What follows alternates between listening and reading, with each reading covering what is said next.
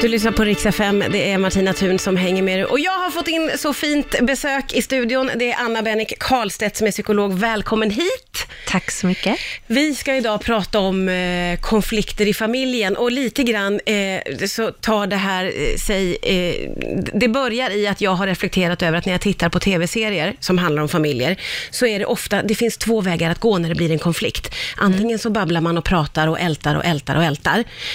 Eller så sopar man allting under mattan. Och jag tyck- det. tycker det finns någonting spännande i det där faktiskt med eh, vilken väg ska man ta? Finns det för och nackdelar i, i, i de här? Ka- Skulle du säga att det är så att familjer ofta väljer en av de här vägarna? Är man på ett eller andra sättet? Ja, åtminstone så tror jag att det finns oftast en övervikt åt det ena eller det andra hållet. Och det där tycker jag är så spännande också när, man har, när jag jobbar med par i Ja. terapi som kommer ifrån olika eh, skolor, eller vad vi ska kalla det, och som sen ska lösa sina konflikter. Där en blir tyst som en mussla, drar sig undan och vill absolut inte prata därför att det känns som katastrof. Om man aldrig har bråkat någon gång i sitt liv, Nej. då kan ju det kännas som ganska livsfarligt att faktiskt göra det. Mm. Medan den andra har suttit vid köksbord och den som skriker högst vinner och det händer ingenting. Man kanske inte löser konflikter så himla bra, men det händer åtminstone ingen katastrof. Nej. Eh, Och att det där sen krockar väldigt mycket när man ska leva tillsammans, när man kommer från egentligen olika kul- kulturer. Ja, ja men precis. Och då blir man ju nyfiken på vilken kultur som väl, eh, väljs då i, alltså när ett par träffas och man är så olika. För jag tänker att om två lite tystlåtna, vi låter det vara, träffas, då är det ju solklart att då kommer man ju att köra på det spåret. Ja. När man bildar familj och så, gissar jag. Eh, men två som är så olika, hur, hur bråkar man ens då, tänker jag? Ja, det är, då, det är de jag träffar. då får man gå till psykolog. Då får man gå till psykologen, precis. Ja, men det, är väl, det, är väl, det där är ett ganska vanligt tema faktiskt, att vi har svårt att kommunicera och att eh, den ena känner sig utestängd av den andres tystnad och den andra är egentligen skräckslagen. Ibland kan man ju använda tystnad förstås som en makt och en, strat, ja, men som en strategi. Ja. Men, eh, men ibland handlar det faktiskt om att man är, väl, man är väldigt rädd.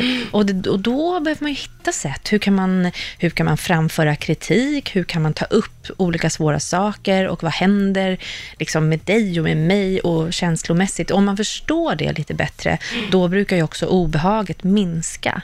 Eh, Och så får man börja träna sig lite grann. Man kan göra det i små steg, skruva lite, ta upp någonting, säga något och så. Därför att det är ju problem kan ju också växa och bli större om man aldrig lyckas lösa dem. Ja, men precis. Och, och där tänker jag också att det finns ju små och stora konflikter. Och om man väljer då till exempel sopa under mattan-strategin, så finns det ju en risk att det kan ligga och bubbla och pyra och kanske explodera efter några år. Om vi skulle ta ett grepp om de här två vägarna då, vad finns det för fördelar och nackdelar med att sopa under mattan?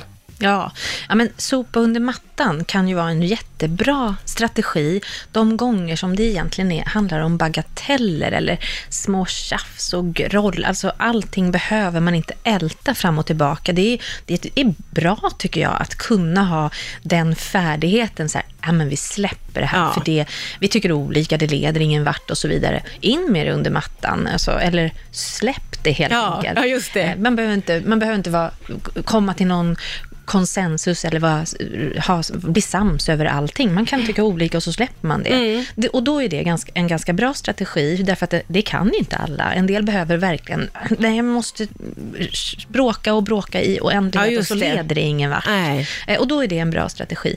Men där, de där gångerna när man sopar saker under mattan därför att man egentligen är livrädd, klarar vår relation av en konflikt, då är det ju, blir det på mycket större liksom, otrygg basis Ja. På något vis. Ja, och det. den otryggheten, eller rädslan, den kan ju ställa till det ganska mycket, för en del saker måste vi ta upp. Om vi ska leva ihop jättelänge, kanske till och med bilda familj och göra såna stora Mm. grejer, då kommer det dyka upp saker.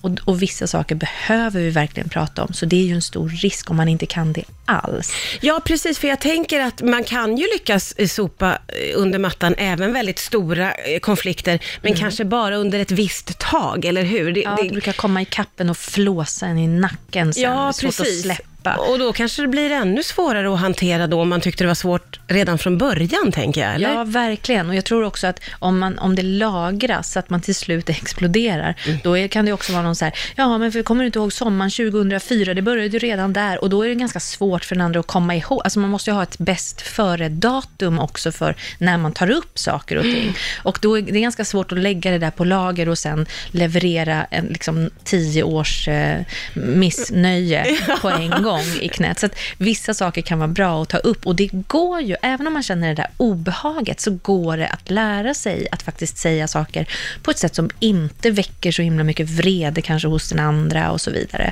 Så det, det är bra att kunna. Mm, eh, precis, och, och det är också skönt att veta ju att vissa små konflikter kan man få sopa under mattan, för man Absolut. får ju känslan av att det aldrig är okej, men då kan det vara det och det kan vara ganska lugnt och skönt i en Ja. relation och i en familj också, att Bort inte med hålla på och bara. bråka om allting. Vi ska också prata om det här med om man är en babbelfamilj som kanske också är en lite bråkfamilj. Vad är det för för och nackdelar med det skulle du säga?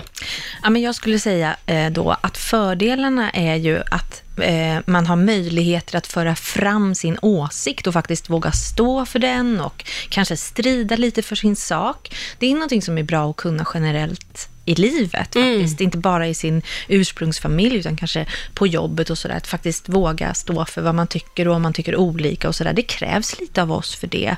Så det är bra. Men det finns ju också nackdelar med de, de där bråkiga familjerna och det är ju ifall alla skriker och ingen lyssnar och man, man hamnar i det där att eh, i den här familjen så, så jobb, kämpar man på tills man har fått rätt.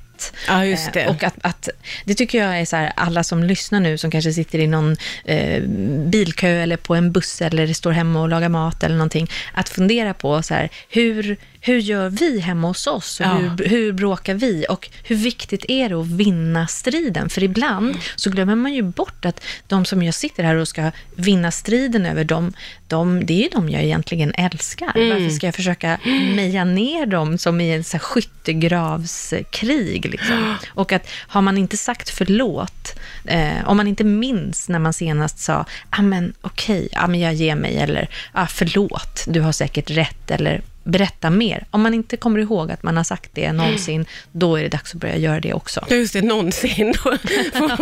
Och, och då landar vi väl ändå i eh, att det kanske är liksom, det bästa är att ha lite av varje då. Det finns tillfällen där det kan vara skönt att bara släppa. Men det kan vara tillfällen där man också behöver vända och vrida. Verkligen. Och kanske också få lov att få ur sig. Ja, men jag tycker att ilska inte egentligen är någonting som vi ska eh, lägga band på. Ibland kan man få bli arg och sådär, men, men att det handlar lite grann om hur man framför det och om man alltid är den som ska vinna och skrika högst och så, då det är inte heller något bra. Så hur använder man sin kraft och sin ilska? Blir det alltid som jag säger för att jag är den som skriker högst eller så, då är det kanske inte en särskilt bra strategi. Så det kan vara bra att vända blicken lite mot sig själv och fundera på hur hanterar jag konflikt, konflikter och hur för andra? Älskar, älskar att du skickar med en liten hemläxa till alla eh, där ute. Och så också perfekt inför sommaren. Vi går in i sommarledighet och det kan vara underbart, men det kan ju också vara lite sådär Oh, stridig, stridigheter. Så att det är väl perfekt nu att fundera på hur, hur är vi det, som familj? Det tror jag verkligen, och särskilt när man ska vara på mindre yta och dessutom hänga ihop med ungar och eh, så mycket, mycket mer än vad vi är vana vid. Det kan ställa, det har sina krav. Ja, så, krav så gör hemläxan nu för en god semester, hörni. Anna Bennick Karlstedt, alltid ett sånt himla nöje att träffa dig. Tusen tack för att du kom hit Martina. idag. If I